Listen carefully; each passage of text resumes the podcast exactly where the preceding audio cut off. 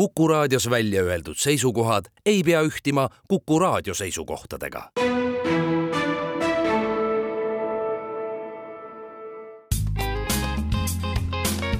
terviseminutid. saate toob kuulajateni pereoptika, kogu pere prillipood tere, head Kuku kuulajad, eetris on Terviseminutid ja me räägime täna üliõpilaste silmade tervisest. mina olen Ingela Virkus ja koos minuga on stuudios pereoptika juhatuse esimees Jaan Põrk. tere! pereoptika optometrist Laura Tõnav tere. ning Essilori prilliklaaside tootespetsialist Margo Tinna. tere! kui me alustaksime üldiselt ja saame mingi sellise ülevaate anda, siis milline on täna üliõpilaste silmade tervis? Äh, ütleme niimoodi, et nii ja naa, et esineb üha rohkem selliseid äh, silmade koostöö ja akomodatsiooniprobleeme, aga samas käiakse varasemast rohkem ka nägemiskontrollis. Sa mainisid väga huvitavaid sõnu, mida need täpsemalt tähendavad? Äh, silmade koostöö mm, all siis mõtlen konvergentsi, et silmadel on võime lähedale vaadates konvergeerida, ehk siis vaadata üksteise poole ja see võib tekitada siis äh, silmade koostööprobleeme. akomodatsioon on silmade võime muuta oma fookust, kui me vaatame lähedale mis täna nende silmade tervist siis kõige enam mõjutab ja kas see on kuidagi ajaga muutunud ka mingil moel? ja ikka, et äh, tegelikult äh, nii nagu koolilastel ikkagi seda nägemist mõjutab keskkond. Et ülikoolis suureneb tegelikult veel rohkem see lähitöö maht ja see võib omakorda siis tuua kaasa erinevaid nägemisprobleeme mis seal keskkonnas siis täpsemalt sellised faktorid on, mis silmade tervist mõjutada võivad, et on see valgus? valgus, nutiseadmed ja nii edasi ja nii edasi kuivõhk ilmselt ka? absoluutselt kuidas selle sinise valgusega on, millest palju räägitakse, et kontoritöötajatele ja üliõpilastele on see sinine valgus tohutult äh, suur probleem? Noh, ta võib-olla ei ole tohutu suur probleem, aga ta on selline noh, mittenähtav probleem, mis äh, ilmneb ikkagi mingisugusel hetkel äh, teatud vanusega, et siis, äh, siis on ikkagi silmast saanud oma ütleme sellise reservi lõpukorrale ja, ja suur osa sellest probleemi põhjusest ongi sinisel valgusel. Kuna valgus koosneb, eks ole, erinevatest lainepikkustest, erinevatest värvidest, on ka liitvalgus, mis meile annab selle äh, võime asju näha, et aga, aga valgusel on ka erinev energia hulk.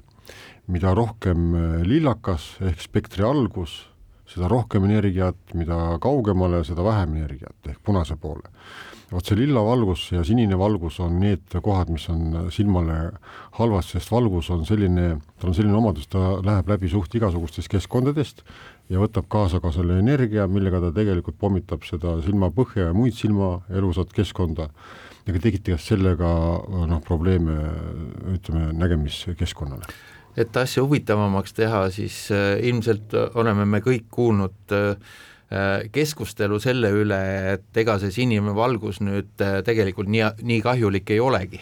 et äh, tänapäeval püütakse siis rääkida seda nii poolt kui vastuargumente, aga mina soovitaksin küll uskuda seda, et kuna tegelikult seda sinist valgust praegusel ajal on rohkem, kui seda oli tavapäraselt meie eelnevates mm, nii-öelda eluetappides, siis, siis ikkagi see sinine valgus on kahjulik ja kahjulik on ta eelkõige sellepärast, et teda on rohkem kui tavaliselt. aga on tal siis mingid sellised äh, positiivsed pooled siiski ka või?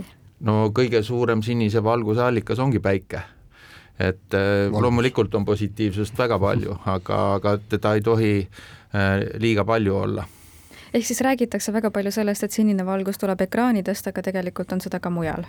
No päikse sinise valguse jõudlus on niivõrd massiivne, et ta ikkagi jah, ületab kõiki selliseid noh, suuremalt jaolt igapäevaseid tehiskeskkondi.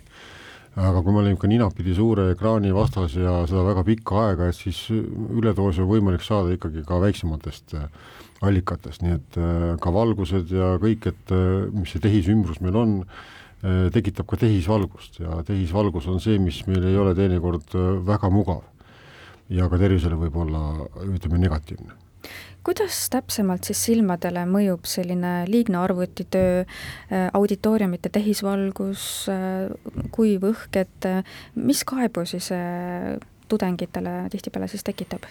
näiteks valguskartust ehk fotofoobiat, nii nagu räägitud, akomodatsiooniprobleeme konvergentsi probleeme, ka tegelikult kuiva silma sündroomi. ma tahtsin just ütelda, et meie juurde tuleb ju järjest rohkem inimesi, kelle probleemiks on silmade kipitus, silmade punetus, väsimus ja, ja tegelikult ka peavalud ja üks nendest põhjustest on kindlasti kuiva silma probleemide laienemine mis hetkel sellest siis päriselt juba probleem saab, et tuleks siis kas optometristi või silmaarsti juurde minna? No ikkagi siis, kui ta nii-öelda siis äh, seda igapäevast elu segama hakkab. Kelle juurde siis kõige targem oleks pöörduda, et kas äh, silmaarsti, võib-olla perearsti hoopiski, optometristi? Äh, sellise kerge kuiva silma puhul tegelikult võib ka pöörduda meie optometristide poole või ka kuiva silma keskusesse, kus siis meil tegutsevad samamoodi optometristid kui nüüd on tegemist sellise reaalselt suure põletikulise protsessiga või väga kuiva silmaga, siis pigem on soovitatav pöörduda silmaarsti juurde. küll aga samamoodi silmaarst võib näiteks soovitada valgusteraapiat, mida pakub äh, meie kuiva silma keskus. meie kuiva silma keskuses tegelikult äh, toimub ka äh, valgusteraapia, valgusravi ja hästi on mõjunud kuiva silma hoomega kapslid, et see on Soome toode ja me oleme selle tootega siin juba varsti viis aastat turul olnud ja väga palju inimesi on sellest abi saanud kuidas, te juba natuke jõudsite mainida nendest la-, neid lahendusi ja, ja ravivõimalusi siis, aga aga kuidas selle diagnoosini tavaliselt üldse jõutakse, et mis uuringuid või teste tehakse, et kui inimene tuleb teie juurde kaebusega näiteks, et natukene nagu selline kipitav tunne on silmades, teinekord on ju kuiv silm äh,, ei tähenda üldse seda, et silm ongi kuiv, vaid võib äh, õues hoopis liiga palju pisaraid tekkida, mis tegelikult saanud. samamoodi on kuiva silma sündroom. et nagu tundub vastuoluline. just nii, et äh, esmane kontroll on ikkagi mikroskoobis, äh, kus seda silma esipinda kontrollitakse ja siis on olemas äh, erinevad testid, millega siis seda kuiva silma kontrollida, diagnoosida. näiteks Schirmeri test ja Kuiva Silma Keskuses on siis spetsiaalne aparatuur, millega siis kontrollitakse sarvkesta topograafiat, ehk siis mis äh, kumerusega meil sarvkest on, ehk pisar seal ilusti ühtlaselt peal püsiks. kui kiiresti meil see pisar seal silma peal katkeb mis seisus on meie Meibomi näärmed. et kõik need asjad kokku siis annavad sellise ühtse pildi, kas on tegemist kuiva silma probleemiga või mitte kui me rääkisime juba natukene nendest äh, lahendustest, siis mis kuiva silma aitaks või kuiva silma probleemide korral aitaks, siis tegelikult on need ju kõik omavahel seotud, et rääkisime ka äh, sinisest valgusest, ekraani taga töötamisest, et äh, mis seal nendes olukordades siis aitaks kuidagi silmi hoida või, või kaitsta? Noh, üldiselt äh, jälle, eks ole, kui rääkida optilistest äh, võimalustest, mis ei ole silmakontaktsed, siis äh, praktiliselt kõikidele, vähemalt esiloliläästedele on lisatud spetsiaalne sinise valguse tõkestuse filter juba läätses sees.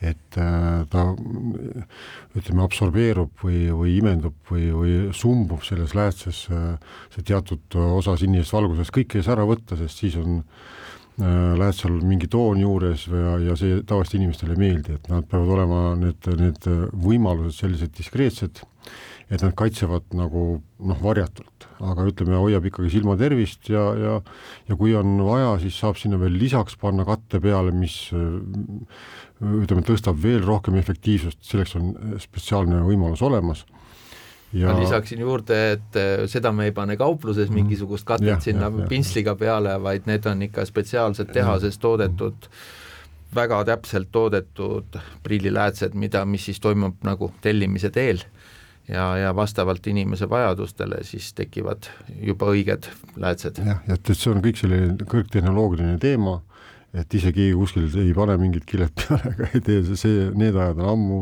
möödas, kui need oligi nii et äh, noh, nägemise hoidmiseks ja parandamiseks ja hakkamasaamiseks tänapäevases keskkonnas on väga palju selliseid lahendusi tegelikult olemas ja, ja noh, neid peab lihtsalt küsima kauplustest ja võib-olla on praegu hea rääkida ka sellest Eisenlaetsest, mis on mõeldud ka just nimelt just tudengitele, et äh, nutitelefoni kasutamine oleks mugavam, et äh, nii nutitelefon kui arvuti, nii laptop, et tal on ikkagi selline juba nagu tugevust üleminek, et kaugemale on natukene nõrgem see tugevus ja ja lähedale on natuke tugevam ja siis tekib selline keskkond, mis on silma jaoks loogilisem või normaalsem.